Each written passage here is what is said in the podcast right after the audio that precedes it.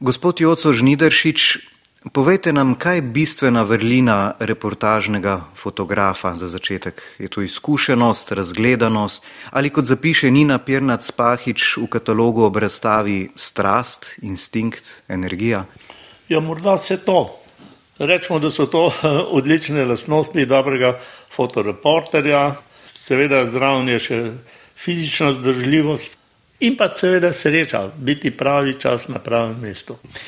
Fotoreporter ne razume le optike in zlatega reza, razume tudi zgodovino. Dobra fotografija v 60 sekunde strne minute, ure, dneve, leta, zapiše Ali Žrdin.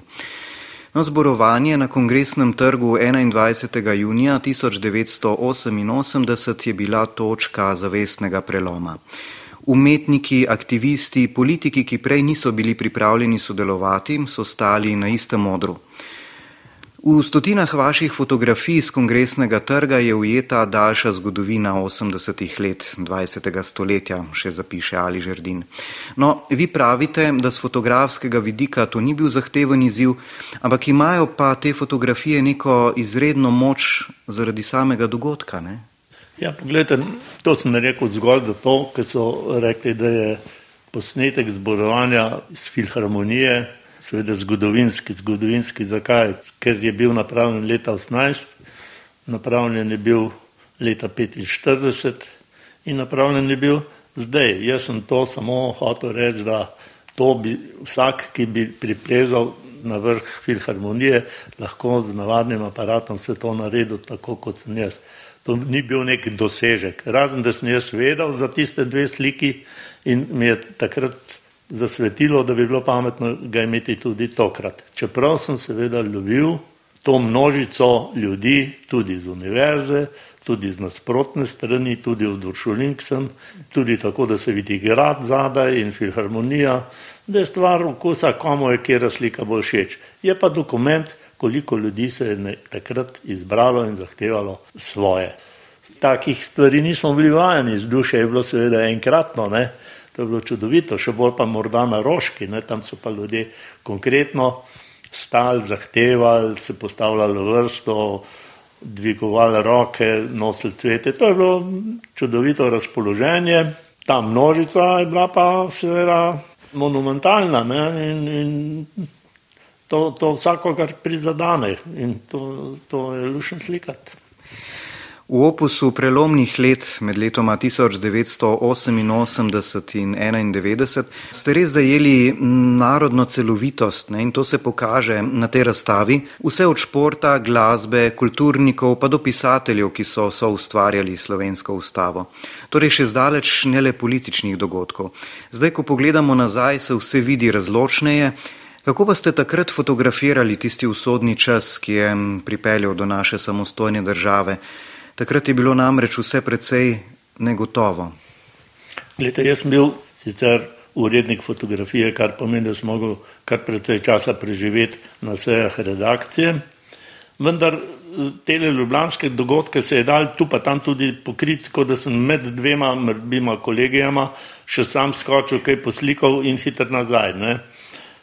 Potem so bili dogodki, ki, veste, da so nekomu sodelavcu, ko se mogli na ljubi najbolj kaj slikati, da poveduješ, kaj bi rad imel kot urednik, ne, je bolje, da greš kar sam. Ne.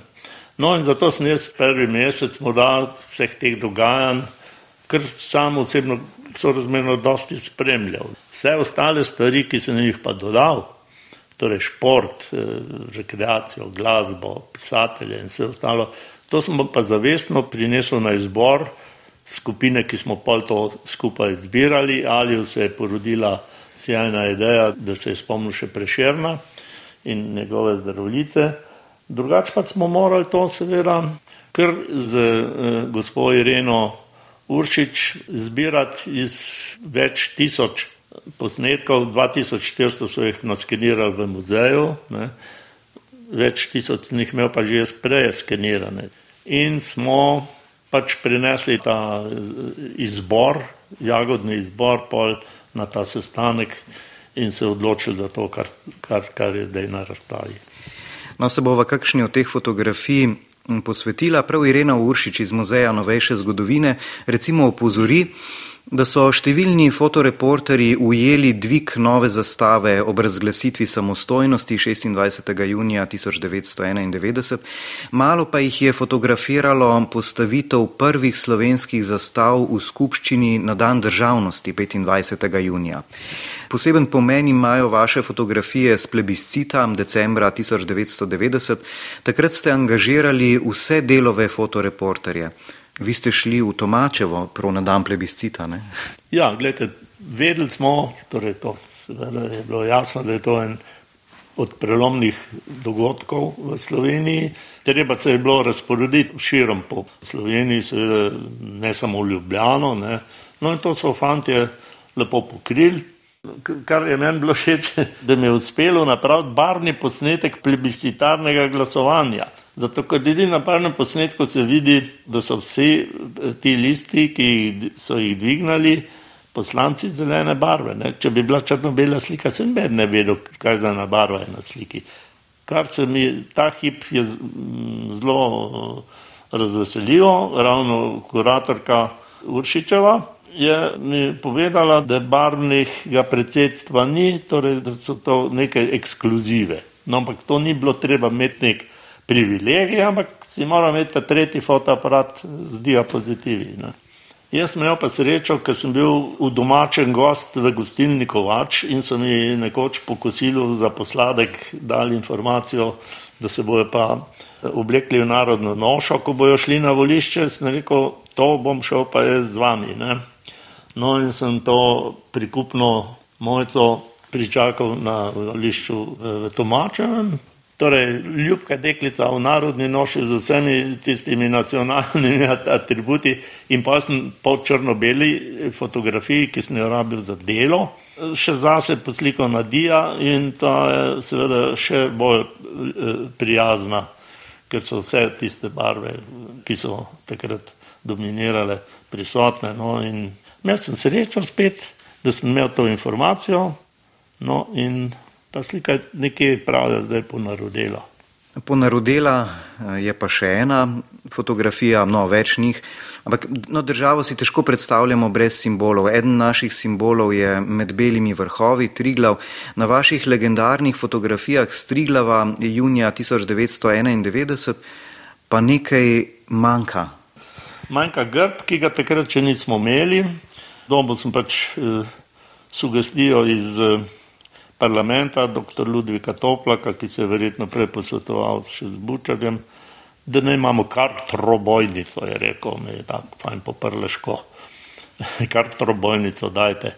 No in eh, so nam pripravili v štabu, kjer so pripravljali proslavo osamosvojitve, oni so poskrbeli za logistiko, torej uh, zastavo, helikopter, vse ostalo. Jaz osebno sem pa seveda se povezal z mojim frendom iz uh, Visokih gora, sem ga pa prosil, da je organiziral veliko skupino alpinistov in gorskih reševalcev, ki nas je pa vse pripeljal helikopter na vrh.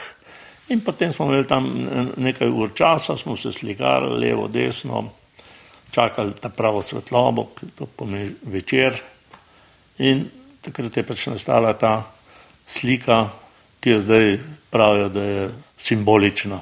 Ampak prvo vas je kar malo razočaralo, ker nastala je prvo za namen naslovnice dela. Ne? Res je. E, torej, ideja, da se razumemo, to ideja je bila zgolj profesionalna, novinarska. Ne?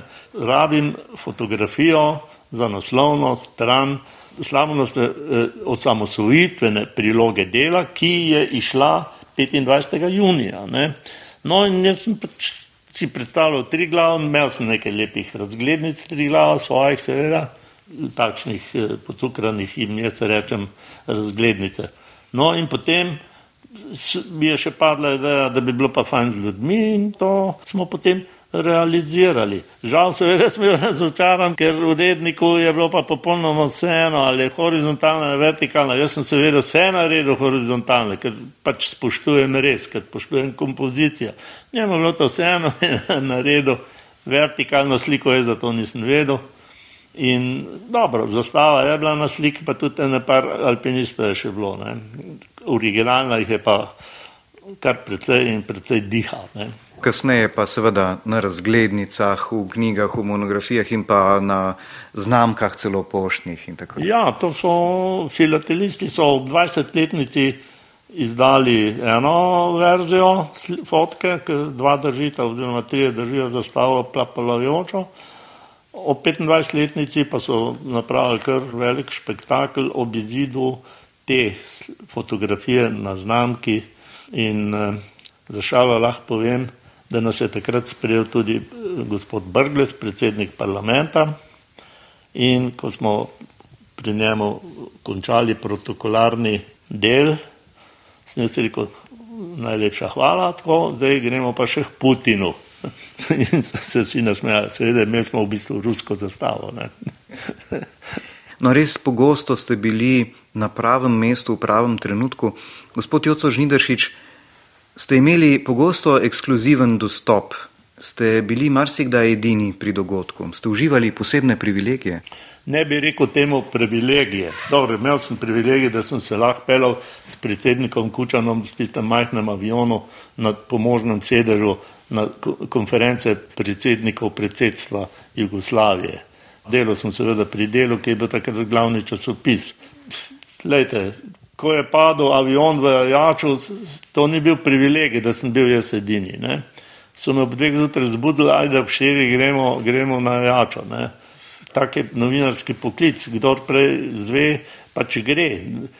En kup to vrstnih nesreč, tudi Vrbovec, tudi Agadir, tudi ne vem, dol po Maroku. Tam, tam smo pač, recimo z urednikom Počem, jaz sem imel že takrat tele kartice, ki jih še ne imel. Sva na moje kartice si šla na aerodrom, kupila karte in sva prišla na prizorišče, brez, prej, no, v redakciji še vedeli niso. Tudi na Brione sem z urednikom dnevnika, sedanjim, prej je bil pa seveda pri nas, gospod Kušir, sva se celo noč vozila, da sva prišla v Fažano Ron, ko je naša delegacija prišla na pogajanja na Brione. In to so zdaj mi ti te pravi, da sem imel ekskluziv ali pa prijo. Vse je res, vsak bi lahko se usedel v avto. Jaz sem takrat sporočil slivniku, sliva, jaz se bom probal prideti na Briona, bomo videli kako, ne? ker je bilo, ceste so bile zaprte, seveda. Ne? In, no in jaz sem bil tam ene par ur, stvar, da sem naredil nekaj dokumentov, potem se pa takoj v avto, pa nazaj, da bomo ja objavili tisti dan v delu. Glede, vedel sem pa že, da so avtocesto že odprli. To je zadovoljstvo fotoreporterja, če nekaj storiš in To, to mi zdaj šteje, da sem imel privilegiran pristop. To ravno se ne strinjam čist. Ne? Fotografirali pa ste tudi trenja v Srbiji in na Hrvaškem. Kaj ste pa tam vse videli? Ja, to, to so bile pa množične demonstracije tako opozicije kot privržencev posameznih teh voditeljev, Miloševiča, Ušče, to je bilo milijon ljudi, spektakl in pol, ne, potem je bil še Šešelj in potem je bil še Draškovič. Ne? Vsak svoje mitinge. Kadar smo zvedeli za to, sem se usedel v avto in odpeljal v Beograd. Ne, ne vedoč, kaj bo, kje bom, pa kako bom, pa tako naprej. Na srečo sem imel zelo dobre kolege iz beogradskih redakcij, tako da so me tudi kdaj kaj uvestili, mi sugerirali, mi spravili avto in tako naprej. Nekoč ste dejali, da ste kot urednik fotografe v parlament pa radi poslali za kazen. Je politika dolgočasen, ne hvaležen motiv? Ja, gledaj, to prerekanje in takrat smo še imeli prost dostop med klopmi, lahko si šel zadaj, spredaj, kamor si pač hotel. No in kljub vsemu temu je bilo težko napraviti dobro sliko. Vse en stoji pa govori, pa pride na oder pa govori, pa kaj čez tako sliko. To smo, to je moja ša. Sem rekel, kdo ne bo priden, bo šel pa za kazen v parlament. No in gledajte, tudi na tej razstavi smo ta dolgo čas, ki bi ga človek pričakoval, dolgi čas, vizualni dolgi čas ker mm, besedno se kar obdeluje, to ni dolg čas. Ne. Smo se zmislili nekaj po glavi, ne? poslanci pijejo in pojejo, poslanci klepetajo med sabo, skratka dialogi. Ravno zato, da človek razdrobi in je vsa stvar malo bolj uh, zanimiva ne, za gledalca. No, vaš poseben izziv je bila športna fotografija. Olimpijske igre 1988 v Kalgariju v Kanadi in pa zlate lisice, pokali Vitranc, planica. Kako ste lovili drveče smučarje in smučarke, pa skakavce? Kakšne priprave je to zahtevalo, glede na to, da vaša oprema ni bila idealna za športno fotografijo? Za začetek jaz sem se sam rad smučal. Drugič sem si ta šport zbral kot prioriteto, kar se športov tiče in vse ostale športe sem prepuščal sodelavcem in kolegom. Tudi nekje financiral sem si te poti, ne sama, pač pa sem vedno našel sponzorja, ki mi je plačal draga bivanja in drage karte za odhode na te olimpijske igre, svetovna prvenstva v Ameriki, svetovna prvenstva v Kanado in etc. etc. In sem bil prisoten pri vseh teh uspehih, nekaj, kar je bilo pet kolajn, Vel, Beaver Creek, Bromont, ne, tri kolajne spet seveda, če ne bi bilo uspeha, ne bi hodil, da se razumemo. Ker smo pričakovali uspeh, smo rekli, pejmo. Bilo je pa seveda malo težko slikati, ker upremo res nisem imel kaj prida, ne samo fotografske, tudi tisto, s katero sem skušal oddajati slikce v Slovenijo. To so še bile klasične procedure, telefoto, pomeni po eno uro si sliko vrtel in tako dalje. Seveda, če se z nečem ukvarjate, del ko se ukvarjate, bolj se noter in več veste, kje, kje grešite. To pomeni, moraš najti prava vrata, če češ, da bo efektna športna slika. Ne? Težko ga je seveda loviti v zraku kakšnega skakalca še posebno, če nimaš avtofokusa, če imaš slab objektiv, ne, to smo vse ročno in smo bili nabriti in si, si seveda na nek način ugotovil, kdaj, kje bo preleto, da bo pritisnil, da bo oster. Ta ostrina je bila zmeraj hud problem. Mraz, ne, veste, morate pa nekaj ur preiti, da si izberete prostor, ker poloni progo zaprejo, nimate več kaj početi. Potem te straha, bo aparat delal, ko je tak mraz, ne ali ti, ti bojo prsti funkcionirati, ker vse zmrže. No? Toliko teh stresnih situacij se dogaja med tem, da sem recimo vedno skušal po na deset kil v treh tednih. Ne? In občudoval hkrati športnike, kako oni mirno spijo, kako so ležerni, kako se to prenaša, pridajo, obledajo in odpeljajo in zmagajo in zdravo. Skaši ste imeli pa srečo, da se je stala ravno pri vratih, ko se je nekaj dramatičnega zgodilo, ali da je zajahal kol. Imam eno krasno sliko iz Krajinske gore, ne, ne, ne videno. Točno pred vrati je ta slavni švedski smučar zmagovalec odvrgal očala ne, in so očala v zraku in on drvino tu v kol. Ne. To je dobra športna fotografija, naprimer, to moš imeti res srečo. Poseben izziv je pa tudi portret. Fotografirali ste tudi umetnike, med drugim v Benetkah Zorana Mušiča. Kakšna izkušnja je bila pa to? Ponudila se je prilika, da naj z novinarjem Petrom Koškom sprejel v Benetkah telejo, kar ni bila njegova navada. On je bil, je dosta Slovenijo naredil, saj je bil Mitteronov prijatelj no, in je tudi te stike organiziral eh, predsedniške med francoskim in našim predsednikom in tako dalje. No, in to je bil velik gospod. Ne, in ko je bil razpoložen, sem ga pač lahko, ker je bil razpoložen, ker na to, že, da naj jo je sprejel, naj jo odčastil, nam hotel kuhati in tako dalje. No, smo se kar fajn imeli in sem naredil ne, tri take značilne slike, ko smo jih poslal, je bil zelo zadovoljen. Ne. Jaz pa tudi.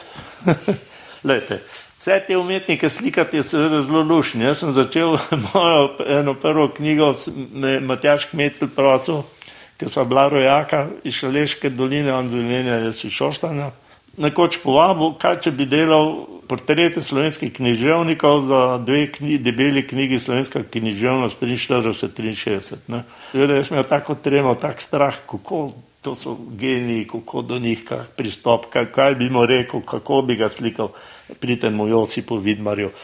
Huda treba, pa neč izkušen, pa za neč aparate. Ampak na koncu je karatak. Kasneje sem še nekoč eno drugo buklo upremljal, kako pišejo, se je reklo od Marijete Kajzer Novak. No, takrat sem bolj kuražno prišel ne? in tudi kdaj kaj režiral, prosil, pejmo kam okol. Ne? In seveda, če bi danes šel, ne, bi šel bolj suvereno do njih in bi kar rekel takole pa takole. Tudi ko ne fotografiraš, si v mislih vse čas zraven, ne, ste nekoč dejali. ja, res je.